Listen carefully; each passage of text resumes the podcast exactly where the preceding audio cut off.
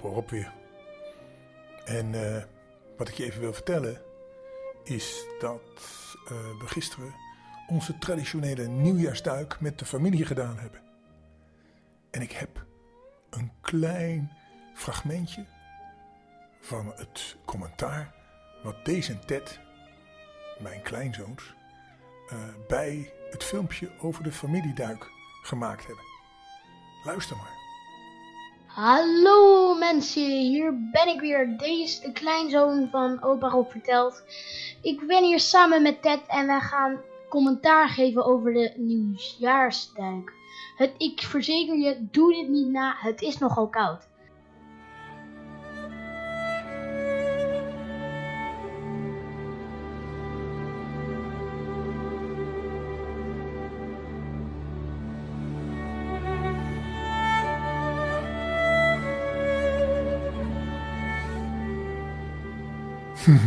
nou, dat was grappig, hè?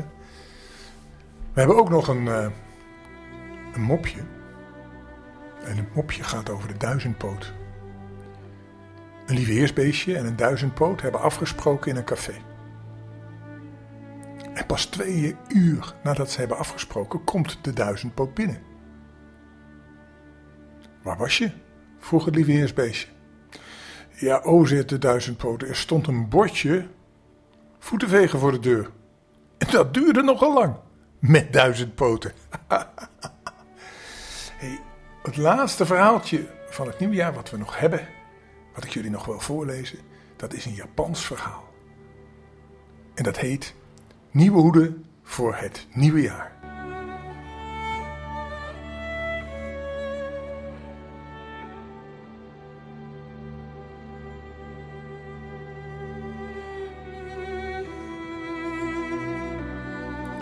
Waren ze een vriendelijk oude man en vrouw die in een klein huisje in de bergen van Japan woonden. Dat waren goede mensen. Maar ze hadden het heel erg arm.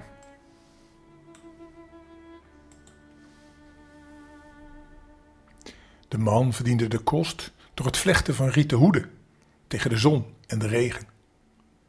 Maar ja, daar verdiende hij niet zoveel mee. En zeker niet in de winter. Op een koude winteravond tegen het einde van het jaar zei de oude vrouw tegen haar man: Lieve man, straks is het nieuwjaar en we hebben niets te eten in huis. Hoe kunnen we nou nieuwjaar vieren als we zelfs geen pot rijst hebben?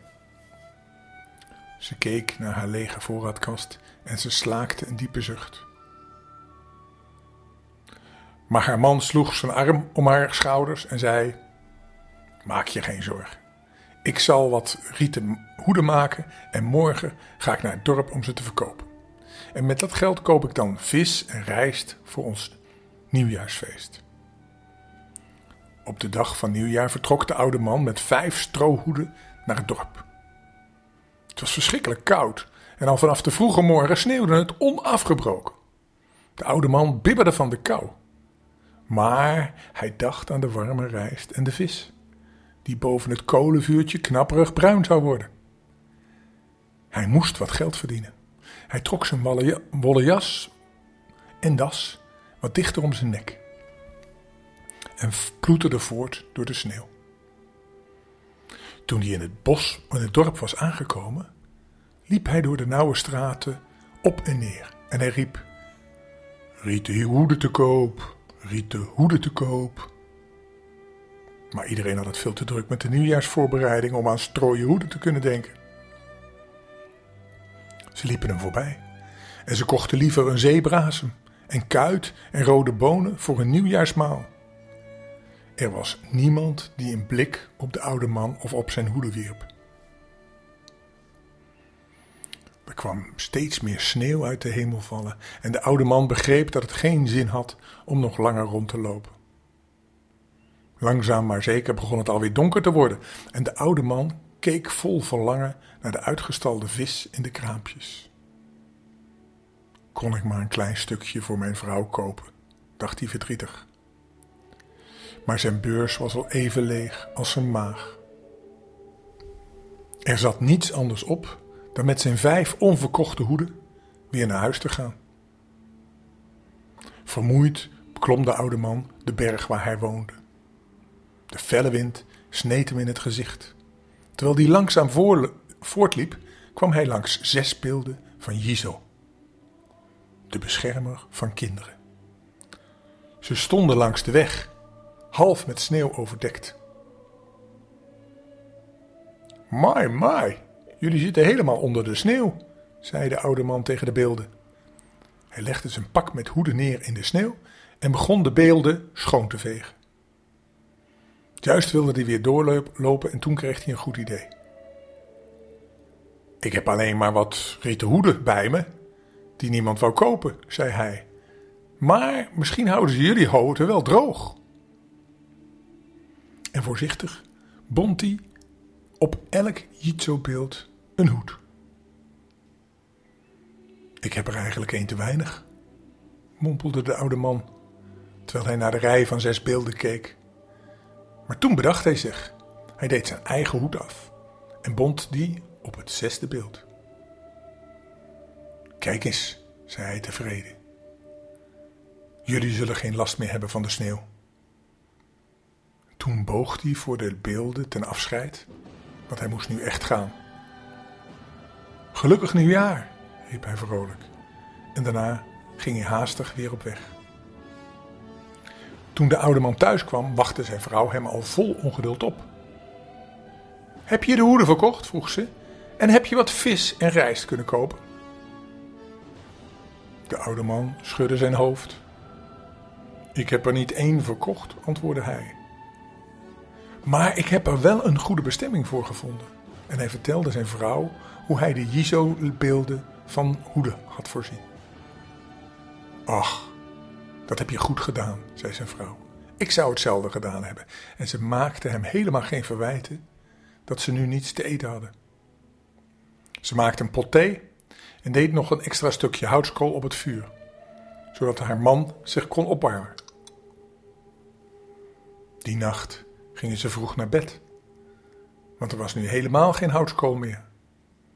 Het was erg koud geworden in het huisje. Buiten sneeuwde en sneeuwde het. En de oude man en zijn vrouw kropen diep onder de dekens om warm te blijven. We mogen van geluk spreken dat we een dak boven ons hoofd hebben met dit vreselijke weer, zei de oude man. Dat is zeker, antwoordde de vrouw, en daarna vielen ze allebei in slaap. Bij het aanbreken van de dag, toen de hemel nog helemaal grijs was, werd de man wakker. Er klonken stemmen buiten. Hij schudde zijn vrouw wakker. Luister eens, zei hij. Wat is dat? Wie zijn dat? vroeg zijn vrouw. Ze hielden allebei hun adem in en ze luisterden. Het klonk als een groep mannen die een zware last sjouwden. Josa, hoisa, Josa, hoisa, riepen de stemmen en ze kwamen al dichter en dichterbij. Wie kunnen dat zijn? Zo vroeg in de morgen, zei de oude man verbaasd. En toen begonnen de stemmen te zingen. Waar woont de goede oude man? Die onze hoofden bedekte. Waar woont die goede oude man? Die ons hoede heeft gegeven. De oude man en zijn vrouw renden naar het raam en keken naar buiten. En daar kwamen de zes Jizo-beelden aangelopen door de sneeuw. Ze hadden de rieten hoeden op hun hoofd en ze droegen alle zes een zware zak. Yosai, hoisa, Yosai, hosa, riepen ze en ze kwamen steeds dichterbij. Ik geloof dat ze naar ons huisje komen, zei de oude man verbijsterd. De oude vrouw stond verstomd. Voor hun verbaasde ogen kwam elk Hitso-beeld naar hun deur gelopen en zette voor de drempel zijn zak neer.